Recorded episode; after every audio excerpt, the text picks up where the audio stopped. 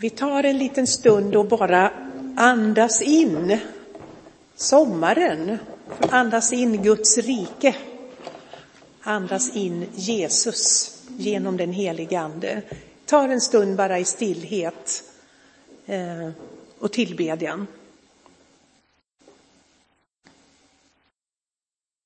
Jesus, du är den efterlängtade.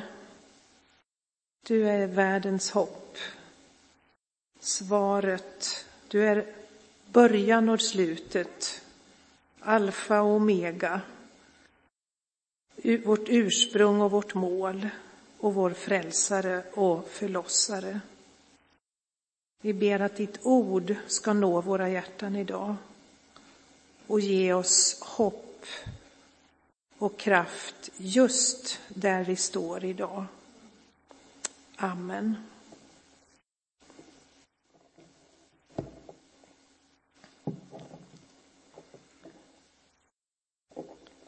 Ibland så känner man ju mer påtagligt än annars hur höstmörkret tätnar och kylan drar in över vår värld. Eh, de krafter som vill dra oss ner i missmod och uppgivenhet är starka. Och den här hösten så har vi haft och har mycket tungt att bära. Och jag behöver inte orda om det nu, för vi är alla, tror jag, fyllda utav det genom allt som vi hör och läser. Men vi har det med oss, och för det är just där, i den verkligheten, som hoppet finns. Hoppet och Guds rike är inte någon annanstans, utan just i vår värld. Det är ofattbara grymheter och lidande som vi hör om, både på nära håll och långt borta. Och vi är säkert många som har känt att Gud, nu räcker det. Det här går inte längre. Kom Jesus, kom snart. Och jag förstår inte hur man skulle orka leva i den här världen utan hoppet. Och då tänker jag inte på någon slags allmän optimism utan det hopp som vilar på det som faktiskt redan har hänt. En gång i den här historien på den här jorden med Jesus Kristus. Mannen från Nasaret när han dog och när han uppstod. Jag tror att det är viktigt att hålla Bibelns framtidsvision levande för sitt inre som motvikt till allt elände. Inte för att sticka huvudet i sanden som strutsen utan snarare för att hålla huvudet ovanför sandytan eller vattenytan eller vad vi vill.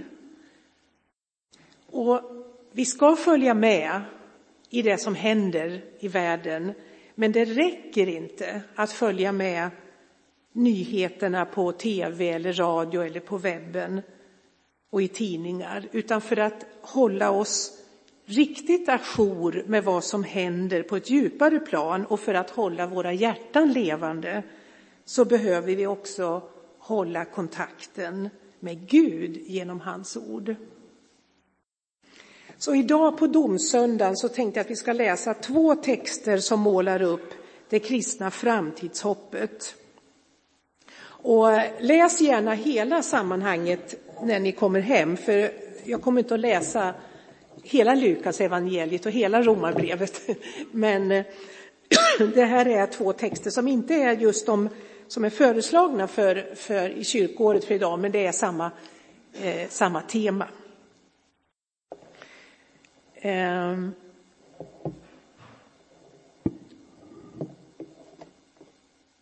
Och vi börjar i Lukas 21. Lukas 21, 25 till 33 kommer jag att läsa nu. Och då kommer jag nu först, den första texten kommer jag att läsa nu från eh, Bibel 2000. Alltså Lukas 21 från vers 25. Och här har Jesus redan eh, talat om en del om, eh, om hur det kommer att se ut i den sista tiden innan han kommer tillbaka. Eh, och så säger han då, när han har berättat allt detta, och det är väldigt mycket av sånt som vi, som vi läser om och, och, och hör om idag, så säger han Tecken ska visa sig i solen och månen och stjärnorna och på jorden skall hedningarna, det vill säga folken, ska folken gripas av ångest och rådlöshet vid havets och vågornas dån. Människor ska förgås av skräck i väntan på vad som ska komma över världen, ty himlens makter ska skakas. Då ska man få se Människosonen komma på ett moln med makt och stor härlighet. Och när allt detta börjar, börjar så räta på er och lyft era huvuden, ty er befrielse närmar sig. Han gav dem en liknelse. Se på fikonträdet och alla andra träd. När de börjar knoppas, då förstår ni av er själva att nu är sommaren nära. På samma sätt vet ni när ni ser detta hända att Guds rike är nära. Sannerligen, detta släkte ska inte förgå förrän allt detta händer. Himmel och jord ska förgå, men mina ord ska aldrig förgå.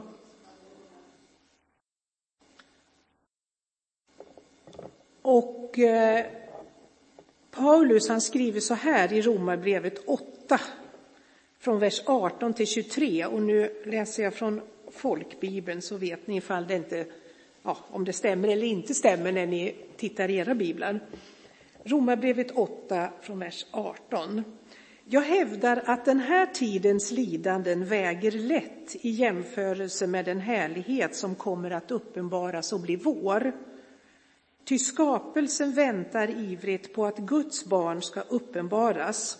Skapelsen har ju blivit lagd under förgängelsen, inte av egen vilja utan genom honom som lade den därunder. Ändå finns det hopp om att också skapelsen ska befrias från sitt slaveri under förgängelsen och nå fram till Guds barns härlighet. Guds barns härliga frihet. Vi vet att hela skapelsen ännu samfällt suckar och våndas och inte bara den, utan också vi som har fått anden som förstlingsfrukt. Också vi suckar inom oss och väntar på barnaskapet, vår kropps förlossning. Tänk dig att du ser en spännande film som bygger på en bok som du tidigare har läst. Det kanske, det kanske har, du har gjort någon gång. Och om det här är en tillräckligt rafflande historia och om filmen är tillräckligt eh, skickligt gjord så sitter du på helspänn trots att du minns att det till slut slutade lyckligt, om det nu gjorde det, men vi säger att det gjorde det. Och att läsa Bibeln och lyssna in den framtidsvision som finns där fungerar lite grann på samma sätt. Det är en haltande bild, men lite på samma sätt. Mänsklighetens historia är en minst sagt rafflande historia. Och det finns många anledningar till bävan och förskräckelse. Men ändå, om vi har läst boken så vet vi hur det kommer att sluta. Vi vet att det slutar lyckligt trots allt. Det betyder inte att vi har något enkelt och lättfattligt facit, varken till de olika detaljerna i historien eller precis det som händer för oss här och nu och inte heller något lättfattligt facit till lidandets mysterium. Men vi vet att det till sist blir kärlekens Gud som får sista ordet i det kosmiska dramat och spelet om människan. Att Gud har gett oss i sitt ord en inblick i framtiden betyder inte heller att vi förvandlas till passiva åskådare. Och inte heller gör det oss immuna mot smärtan i tillvaron. Men mitt i allt det som pågår så vill han ge oss en djup förvissning om att han till sist ska triumfera, också synligt, över all ondska och allt elände. Och det kan vi inte lägga fram några vetenskapliga bevis för att det kommer att ske så, utan vi kan få en trons visshet mot alla odds. Och den vissheten, den är i själva verket en förlängning av vår tro på en uppstånden frälsare. Det hör ihop. För det är ju i honom, i den uppståndne Jesus, som Gud har triumferat över alla destruktiva krafter i tillvaron. Över allt det som plågar vår värld just nu och som har plågat genom historien. Det som hände den där påskmorgonen utanför Jerusalem, det var fröet, startskottet till den nya skapelse som vi väntar på och som vi redan nu kan få en försmak av. Hade vi inte en uppstånden frälsare så hade vi ingenting att hoppas på. Men nu har vi en uppstånden frälsare, levande befriare och han har lovat att komma tillbaka för att upprätta det rike som Gud har lovat för länge sedan. Och som finns beskrivet i den här boken så många gånger. Men det som är större och mer underbart än allt som vi hittills har upplevt, det måste med nödvändighet beskrivas i bilder. Och därför använder Bibeln ett helt knippe av bilder för att ge oss en aning, i varje fall, om det rike som vi väntar på. Några exempel på de bilderna. Vi har Guds rike som en överdådig fest. Det finns redan i Gamla testamentet, Jesaja 25 till exempel. Vi har bilden av Guds rike som ett bröllop, en måltid, ett jubelår när fångarna släpps fria och en sommar som här i Lukas 21. Och så har vi bilden av en födelse. Och den såg vi ju i Romarbrevet 8, vers 22, när Paulus talar om att hela skapelsen och vi med den ropar som i födslovåndor. Så står det i Bibel 2000. Kanske kan vi ana något av den bilden i Lukas 21 och 28 när Jesus säger då närmar sig er förlossning. Nu är jag inte säker på att den här dubbeltydigheten finns i det grekiska ordet, men där handlar det kanske i första hand om förlossning i, i, i betydelsen befrielse, typ fångar som blir, fri, blir fria. Eh, och jag tänker på till exempel då Malaki 4, vers 2, som talar om när Gud, eh, ja, om den dagen, Herrens dag, då ska ni slippa ut och hoppa som kalvar som har varit instängda i stallet när rättfärdighetens sol går upp. Det är en härlig bild för Guds rike.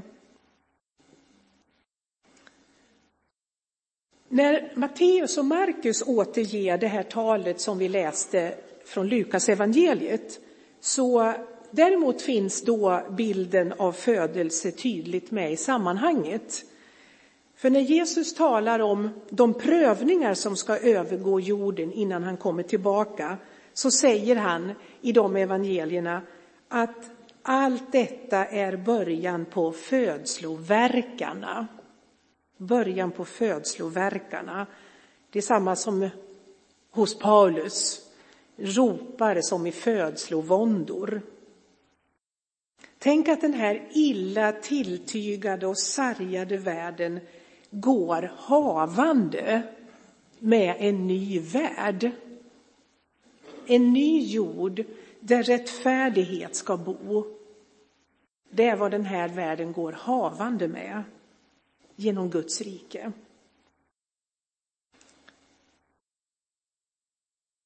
Och tänk att vi, mitt i en värld full av krig, oroligheter, jordbävningar, epidemier, hungersnöd, orättvisor, får gå havande med fred och frihet som Guds barn. Vi sjöng om att vi är Guds medarvingar och Guds barn. Det är detta vi som ingår i arvet Guds rike.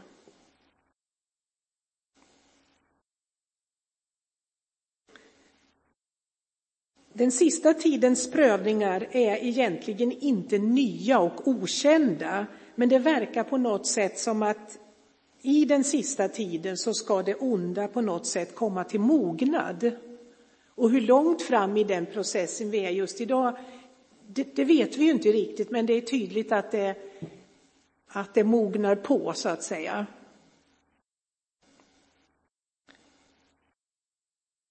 Och det kan gå fort.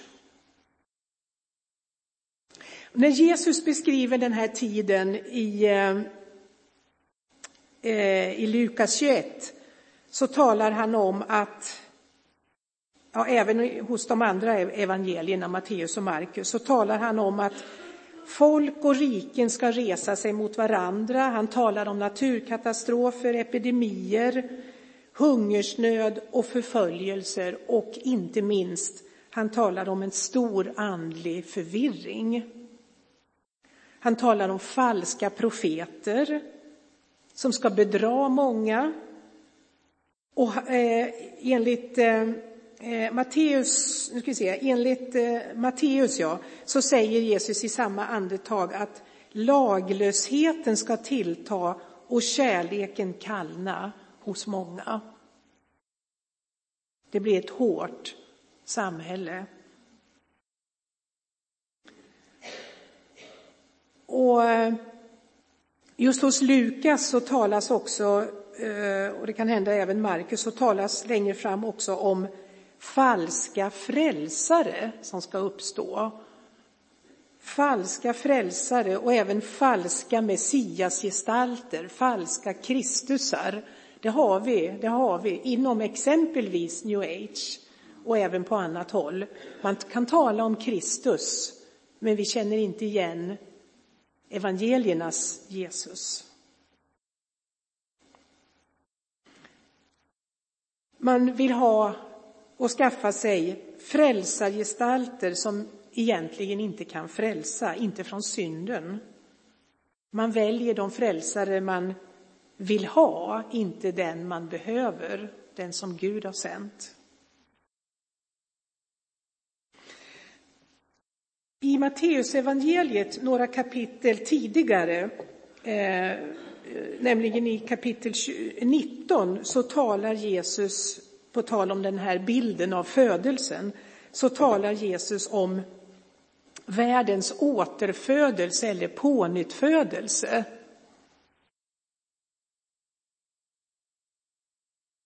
Den ska ske, säger han, när Människosonen sätter sig på sin härlighets tron. Alltså när Guds rike bryter fram i sin fullhet, när sommaren kommer fullt ut, då säger Jesus, då ska världen födas på nytt. Då ska Gud tvätta sin skapelse ren från ondska och korruption, från skam och förnedring. Så skapelsen ska inte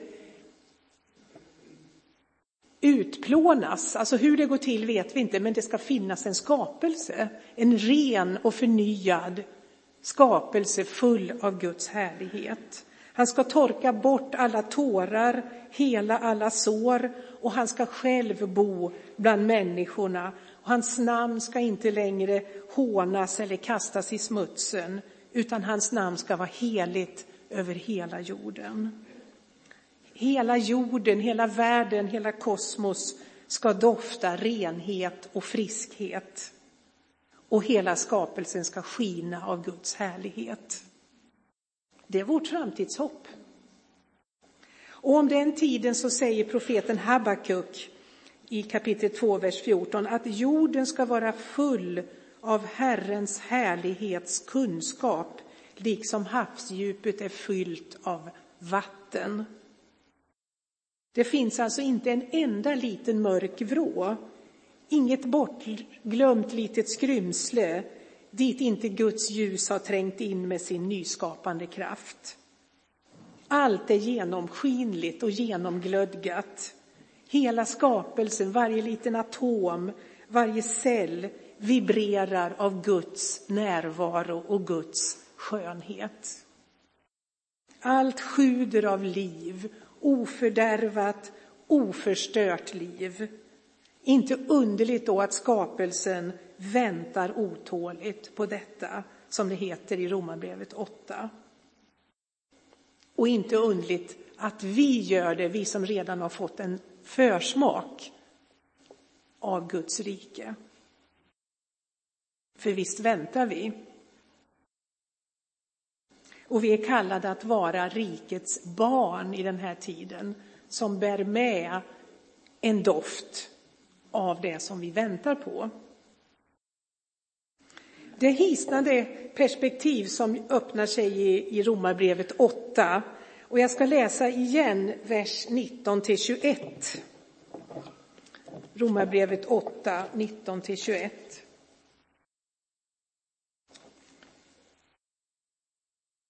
Skapelsen väntar ivrigt på att Guds barn ska uppenbaras. Skapelsen har ju blivit lagd under förgängelsen, inte av egen vilja utan genom honom som lade den därunder. Vi vet inte vem det syftar på, kanske Adam, vi vet inte. Ehm, det finns olika tolkningar, men det ska jag inte gå in på. Men trots detta så finns det hopp om att också skapelsen ska befrias från sitt slaveri under förgängelsen och nå fram till Guds barns härliga frihet. Vår befrielse blir startskottet till hela skapelsens befrielse. Världens pånyttfödelse. Världens befrielse hänger alltså ihop med vår befrielse. När Gud ger sin härlighet till sina barn så släpper han samtidigt loss uppståndelsens krafter över hela skapelsen. Allt dras med i förvandlingen och livets krafter besegrar för alltid vissnande och död. Och Luther uttryckte det så bra när han sa så här. När Guds barn byter ut vardagskläderna mot söndagskläder ska naturen göra likadant. Så när Paulus skriver att skapelsen väntar otåligt, då använder han ett grekiskt ord som talar om att sträcka fram sitt huvud i väntan. Så ivrigt, man sträcker fram sitt huvud. Det handlar alltså om en otålig, ivrig väntan.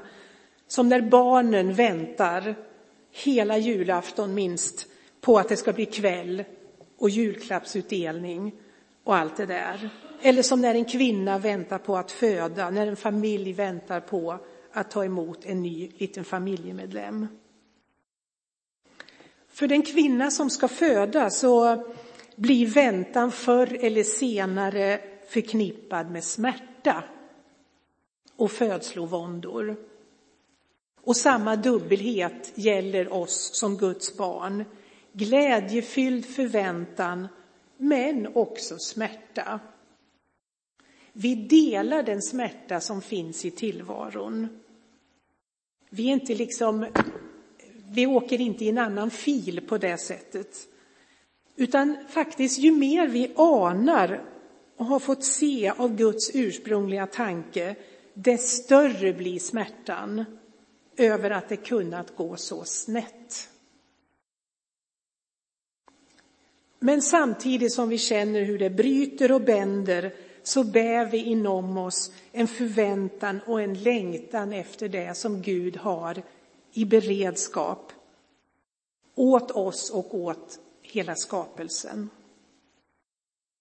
Och precis som barnen på julafton ibland får en liten klapp kanske på morgonen för att hålla sig lugna till kvällen så har också vi fått en liten försmak.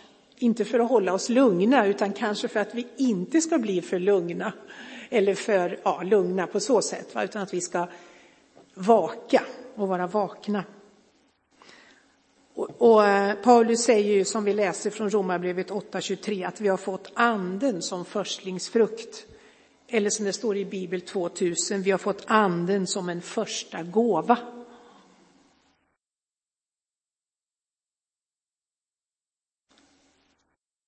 Vi har fått anden som en först, vi som har fått anden som förstlingsfrukt, också vi suckar inom oss och väntar på barnaskapet, vår kropps förlossning, vår kropps befrielse. Vi som har fått anden som en försmak delar den här ivriga väntan som finns i skapelsen. Och det är faktiskt inte förbjudet att som barnet kanske på julafton sträcka fram sitt huvud och kika in i nyckelhålet för att få en glimt av det som väntar. Och det nyckelhålet som vi har att kika i, det är Guds ord. Och så var det det där ordet om att räta på sitt huvud och lyft, räta på sig och lyfta sitt huvud. För när det bryter och bänder i tillvaron och gör ont så är det, säger Jesus, ett tecken på lövsprickning. Det gör ju ont när knoppar brister. Och enligt Jesus så är den smärtan inte en signal till att kura ihop sig i ängslan och uppgivenhet, utan en signal till att ställa sig på tå och vända blicken uppåt i väntan på att han ska komma och återställa tingens rätta ordning och skapa shalom över vår värld.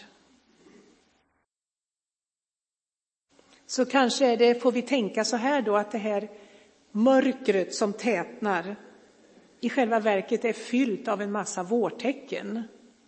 Inte så att mörkret i sig är, är vårtecknet, men det finns, vårtecknen finns där. Så det budskap som Jesus ger oss i höstmörkret är fyllt av ljus och hopp, men också djupt allvar. Annars vore det inte sant. Budskapet är att sommaren är nära. Guds rike är nära, befrielsen är nära.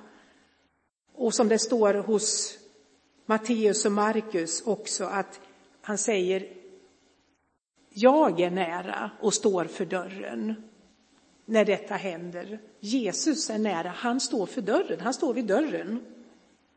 Han står där redan vid dörren. Men han vet att det finns en stor risk för att vi slumrar in. Och därför tillägger han, och vi ska sluta med det, tillägger han i Lukas eh, 21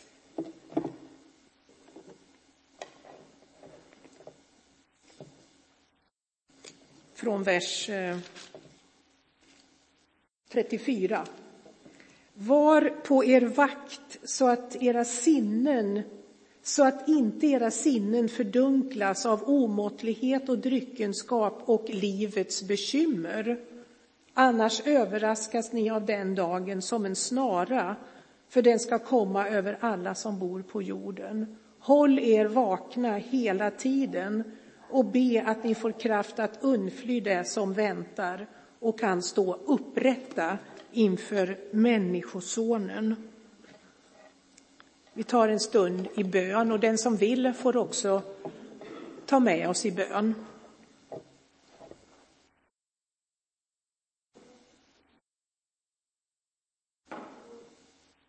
Be gärna för, ja, för vår värld också och för det som du känner på ditt hjärta.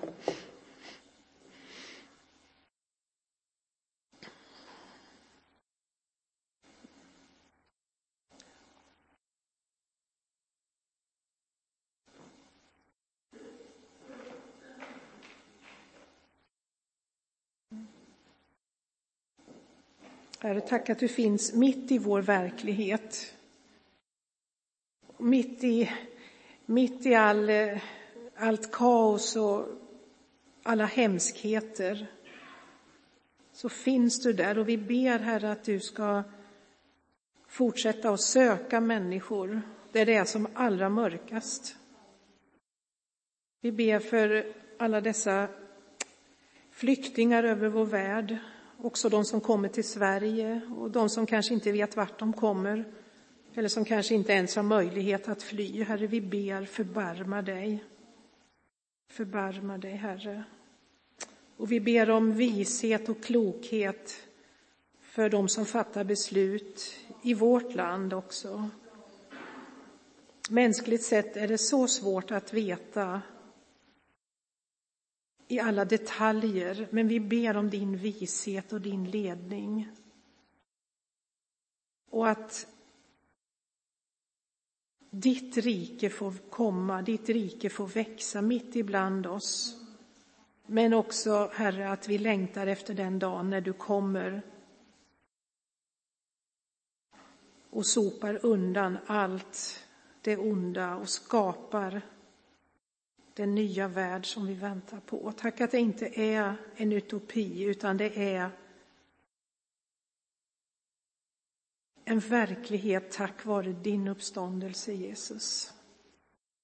Kom med din heliga Ande och värm våra hjärtan och ge oss kraft och gör oss vakna och vakande. Hjälp oss, vi behöver din hjälp, Herre, varje dag.